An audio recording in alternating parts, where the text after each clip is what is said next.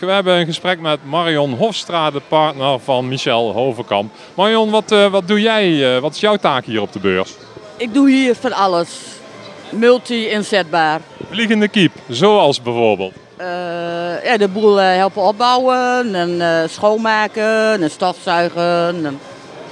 En, de bar bedienen, muntjes verkopen. En... Ja, met je ontvangt de mensen hier ook die hier aankomen en een entreebewijs.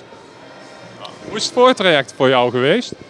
Um, ja, pittig eigenlijk. Want Michel is eigenlijk de hele zomer al bezig met, uh, ja, met de beurs. En, uh, en we zijn, even kijken, donderdag begonnen met hier de boel leeghalen. En vrijdag de boel, uh, de tapijt leggen en zo. En zaterdag en zondag de hele twee dagen met de standopbouw bezig geweest.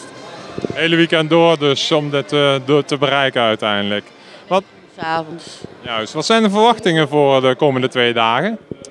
Uh, ja, ik hoop uh, veel bezoekers. Nou, dat gaan we hopen. Dus ik zag net al wat mensen binnenkomen, dus dat komt helemaal goed. Dankjewel. Oké. Okay.